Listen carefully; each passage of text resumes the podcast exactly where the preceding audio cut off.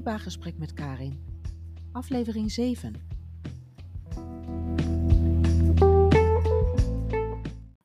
En in deze aflevering is Manon Tennekes te gast en zij is auteur van het boek Iedere dag een stukje beter. Manon, van harte welkom. Dankjewel. Ik ken Manon al een langere tijd.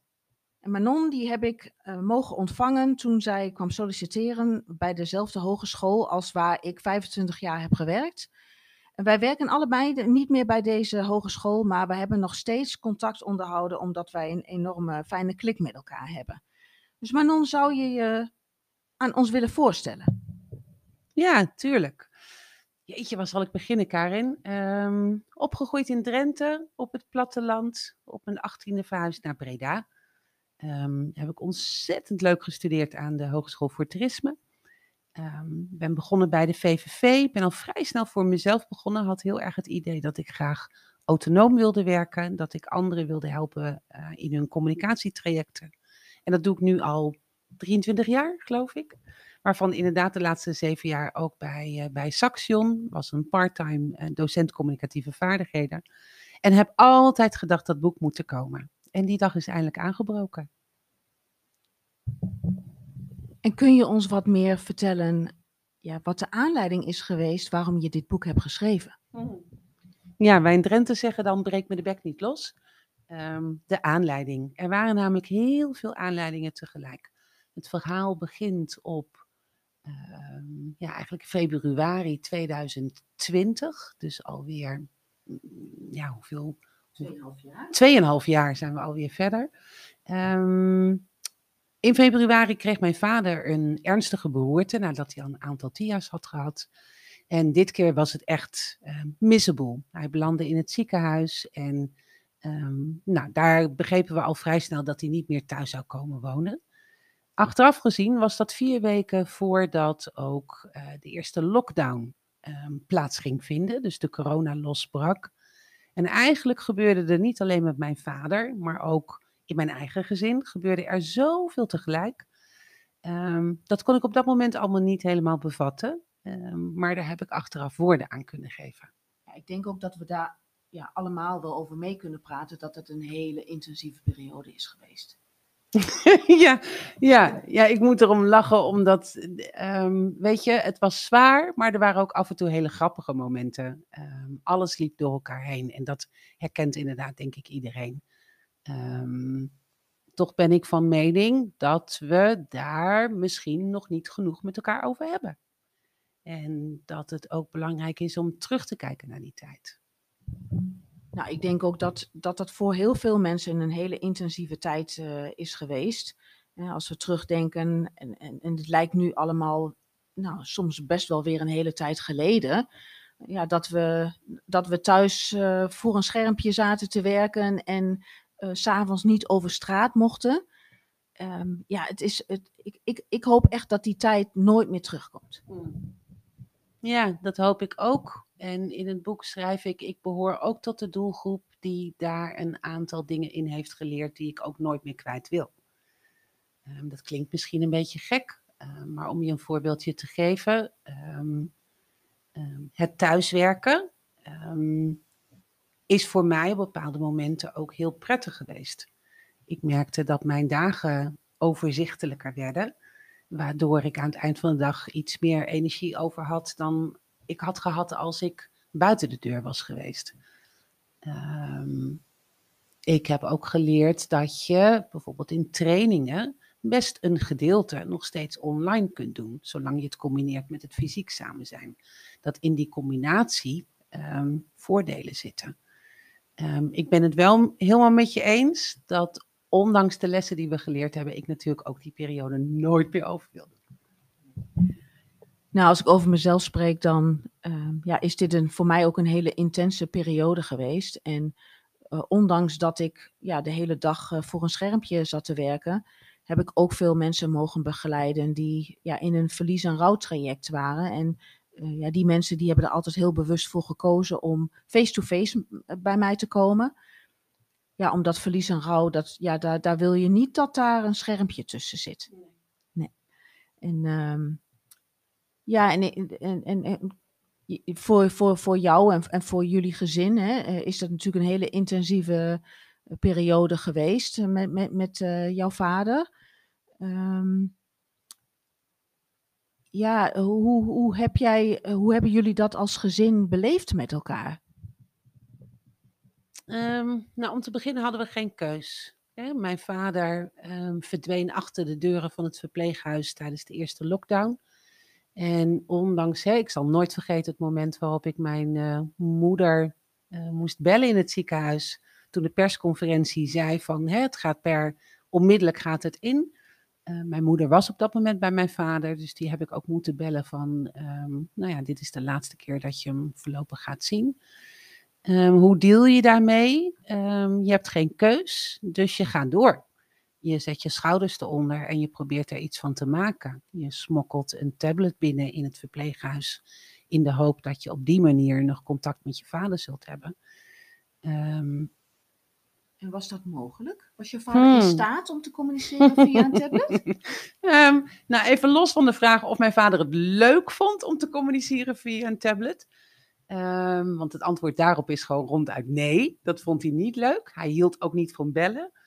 Ehm, er was wel een vorm van communicatie mogelijk, maar dat ging niet veel verder dan: hey pap, hoe is het vandaag? Goed meis, hoe is het met jou?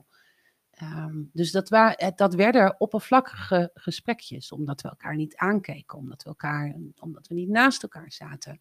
En zeker in de toestand van mijn vader was dat essentieel om echt contact te maken.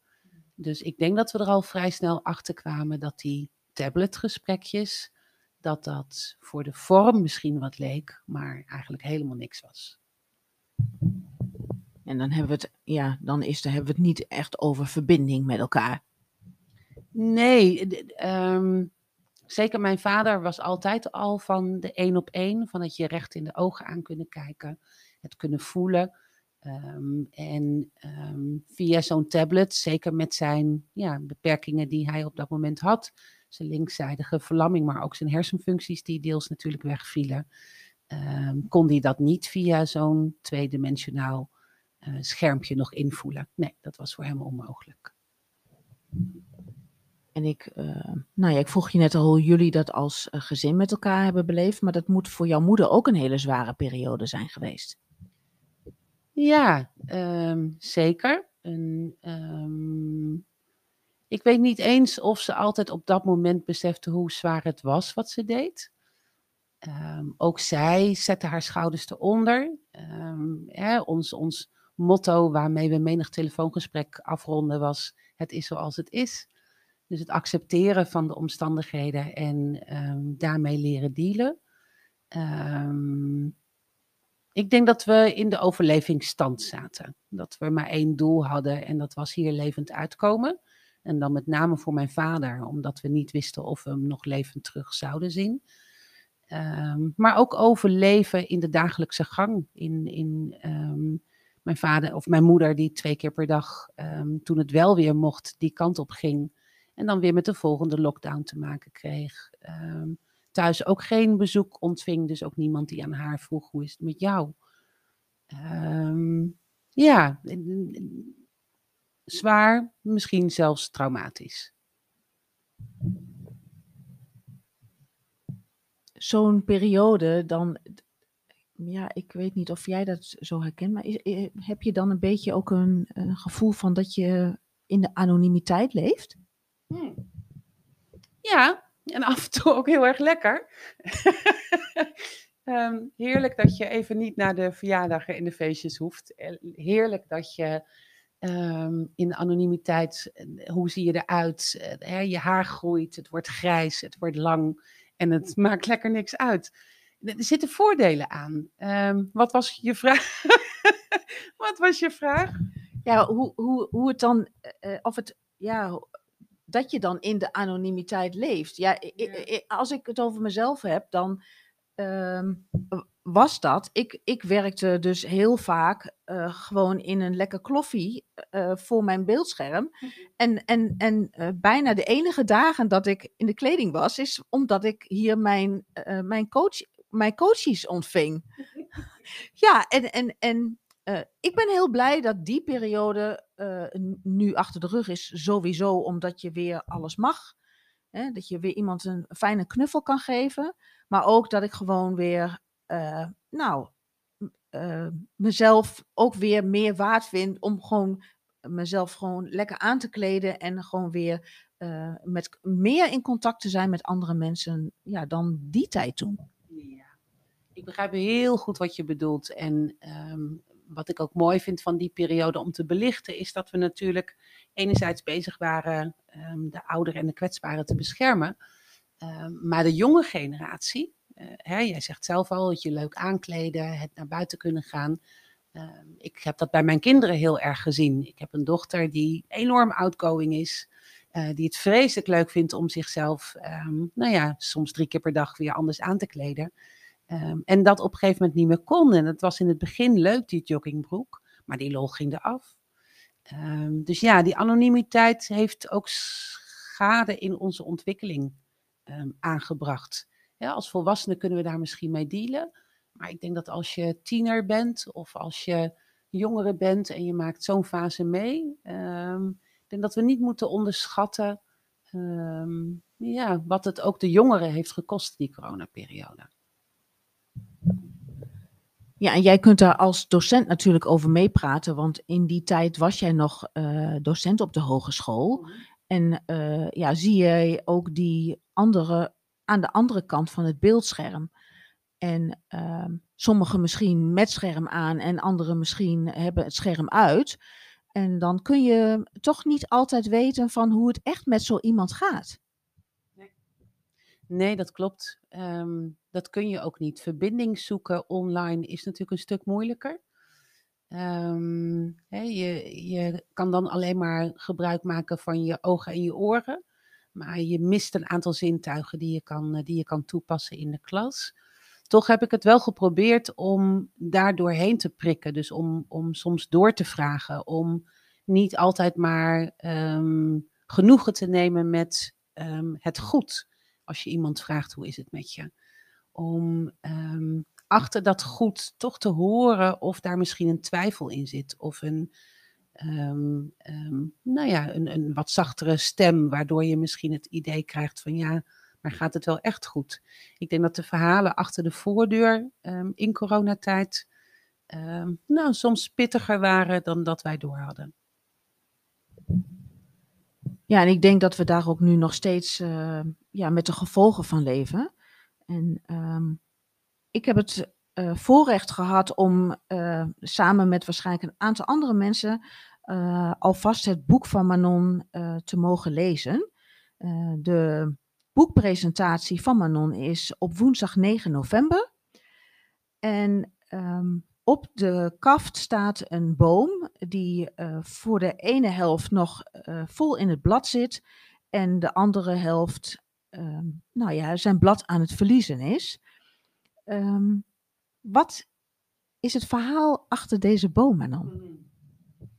Ja, die boom die staat er inderdaad met een reden. Ehm, de boom staat symbool voor mijn vader, mijn wortel, mijn oorsprong. Ehm, staat voor kracht, staat voor leven, staat voor bladverliezen, maar ook weer ehm, in, tot bloei komen. En in dit geval staat hij ook voor de ehm, halfzijdige verlamming van mijn vader. Mijn vader was eigenlijk linkszijdig verlamd. Dat betekent dat eh, de ene kant van zijn lichaam het niet meer deed en de andere kant van zijn lichaam het wel. Een soort yin en yang. En zo heb ik het ook altijd gezien. Een, een hele gekke scheidslijn die door zijn lichaam liep. Ehm, ik, ik zeg wel gekscherend, eh, alsof rechts nog een appeltje kon schillen. Maar dat kon natuurlijk niet, want links deed het niet. Ehm, en tegelijkertijd ehm, zie ik ook nog steeds in diezelfde boom de kracht, de helft die er wel is. Mijn vader hè, leidde aan vasculaire dementie. En ook dat is een actueel onderwerp op het moment, omdat we geneigd zijn te denken, wat kunnen die mensen niet meer? Maar hoe mooi zou het zijn als we meer kijken naar wat er nog wel mogelijk is. Ehm, mijn vader was een aantal hersenfuncties kwijt, maar had er ook nog een aantal. En kon daar soms heel goed eh, nog in duidelijk maken wat hij wel en wat hij niet wilde.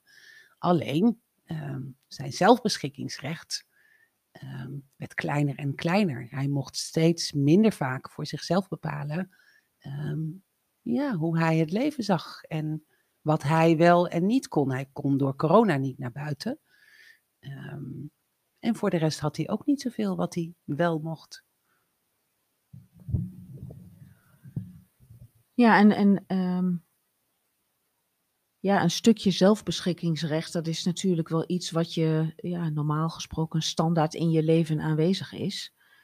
En ehm, hoe kon, kon, hij daarmee, kon hij daarmee omgaan dat hij, ehm, nou ja, dat hij daar niet meer over, over kon beschikken, dat hij afhankelijk was van andere mensen?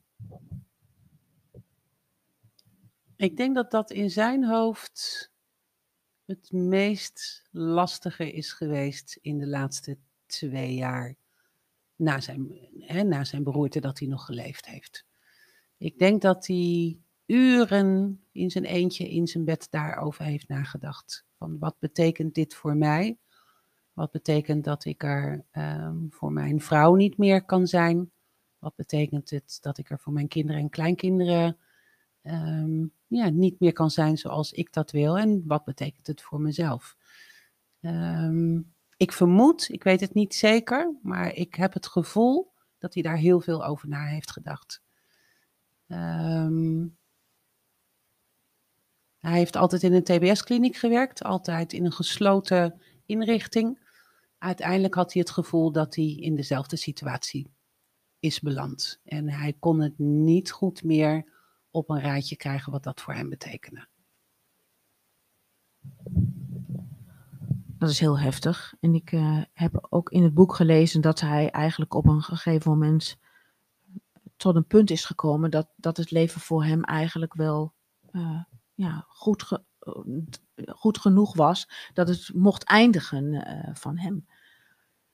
Ehm, dat is natuurlijk als, als, als kind hè, eh, eh, en als partner en, en andere mensen die je dierbaar zijn heel heftig om te horen. Wat heeft dat met jou gedaan toen hij, nou ja, eigenlijk nou ja, dat, dat, dat tegen jullie heeft gezegd? Ja, ik zal de dag nooit vergeten. Dat was 18 mei 2021. Ja. Um, ik liep op dat moment op de hei Ehm, met mijn man, met onze coronahond. Toen ik dat telefoontje van mama kreeg dat ze dat gesprek zojuist hadden gehad. En um, ik herinner me nog de tranen die over mijn wangen gleden. Niet van verdriet, maar van een enorme liefde die ik op dat moment voelde voor mijn vader. Um, dat hij ondanks alles daar toch zelf nog iets over wilde vertellen. Zelf nog, um, nou ja, het gevoel had dat hij daar nog iets van kon zeggen. Um, ik gunde hem dat zo, dat hij dat ook zelf mocht bepalen. Dat het aan hem was wanneer zijn leven uh, voltooid was. Um, maar dat het in zijn handen lag om daar iets van te vinden. Dus hoe gek het ook klinkt, maar ik was blij dat hij dat gezegd had. Ik vond persoonlijk al langer dat hij um, zijn leven niet kon leiden zoals, um, zoals hij dat graag zou willen. Ik weet ook niet als hij dit van tevoren had geweten of hij het dan anders geregeld had. Maar ik voelde opluchting toen hij dat op 18 mei 2021 zei. Ja. Nou, ik vind het helemaal niet gek. Nee, nee, ja, weet je, uh, um, uh, zoals jij weet, uh, hoort dood bij het leven. En ja, er is iets wat we zeker weten, is dat we allemaal dood zullen gaan. Dus um, nee. Maar dat hij dat besluit eigenlijk heeft genomen, hoe ging het toen vervolgens verder? Want kon er gehoor gegeven worden aan zijn verlangen? Ja, en dan kom je denk ik bij een stukje wat um, ook het doel van dit boek is. Um, want nee, dat kon hij niet. Um, onze maatschappij is erop ingericht dat wij mensen zoveel mogelijk in leven houden. Daar doen we alles aan. En, en in de meeste gevallen ook terecht. omdat mijn vader door zijn beroerte niet meer in staat was om dit verhaal coherent en consistent ehm, te vertellen.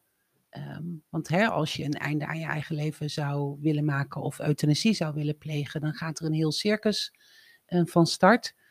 Ehm, en dan moet je keer op keer, week op week, maand op maand hetzelfde verhaal vertellen. En moeten meerdere mensen dat verhaal aanhoren. Daartoe was mijn vader niet in staat. En dat geloof ik ook hoor, dat hij dat niet nou, consistent zou kunnen. Um, dus dat traject is uiteindelijk niet gestart om mijn vader dat te besparen. Mijn vader heeft uiteindelijk geprobeerd om zelf te sterven, te versterven, door niet meer te eten en niet meer te drinken. Alleen, ook dat is niet gelukt. Um, na, nou, ik denk een kleine twee weken, is hij een ijsje gaan eten. en dat ijsje, ja, dat, dat um, heeft denk ik aangegeven dat hij, nou ja, het op heeft gegeven. En heeft bedacht van, en dat zei hij ook altijd tegen mij, ach Manon, het leven loopt toch altijd anders dan je denkt. Um, ik zou daar nog een boek over kunnen schrijven. Over hoe dat traject in elkaar zit. Op het moment dat jij aangeeft van. Hè, ik, ik, ik, voor mij is het mooi geweest. Ik heb een voltooid leven gehad. En dat het ontzettend goed is dat we daar in Nederland. in ieder geval um, zorgvuldig mee omgaan. Ik denk tegelijkertijd dat we soms ook doorschieten in het in leven willen houden van uh, mensen. Um, dat anderen over je beslissen. En um, nou ja, dat, dat het beschermen, wat wij denken dat beschermen is van ouderen, niet altijd beschermen is.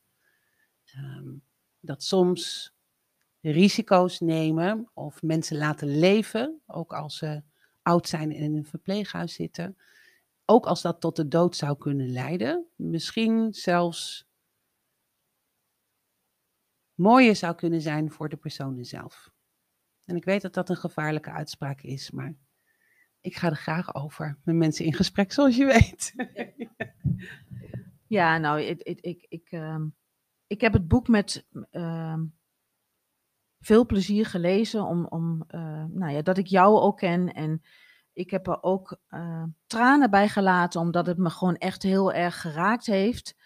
Ehm, maar ja, dat, dat mag ook. Weet je, laten we alsjeblieft open zijn over ja, hoe, hoe, hoe het verder kan en hoe je het ook voor een um, menswaardig afscheid ervoor kan kiezen om, om, om zelf te stoppen. En dan heb ik het niet over dat je zelf bewust onder de trein gaat stappen, maar wel voor mensen die bijvoorbeeld heel erg depressief zijn of mensen zoals in het geval van jouw vader ja, een beroerte hebben gehad en waardoor uh, ja, de lol van het leven er wel af is. Ja, eens. Um, ik vond dit echt een heel fijn gesprek. En is er nog iets dat je hier aan wilt toevoegen, Manon?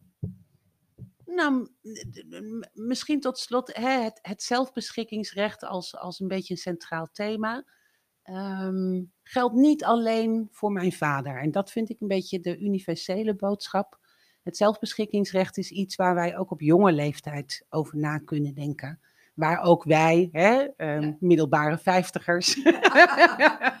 ik vind het een actueel thema. Ik vind het iets waar we ons bewust van moeten blijven. In hoeverre laten we een ander bepalen wat goed voor ons is.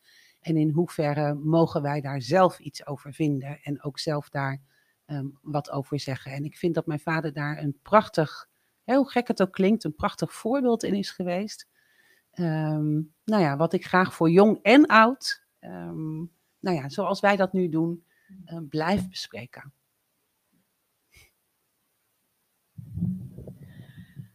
Dankjewel Manon voor dit fijne gesprek. En ik um, zie jou uiteraard bij de boekpresentatie. En um, ik kijk er naar uit om uh, nog vaker van dit soort fijne gesprekken met jou te hebben. Dankjewel. Jij ook heel erg bedankt. Erg leuk.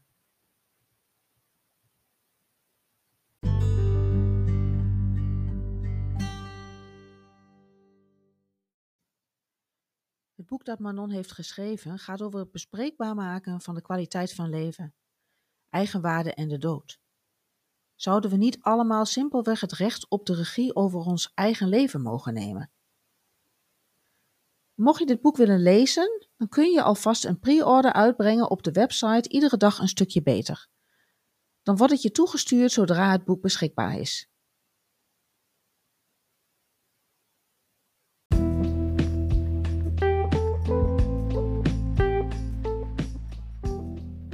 Vragen over verlies- en rouwcoaching? Of wil je meer informatie? Kijk dan eens op mijn website www.karinhafkamp.nl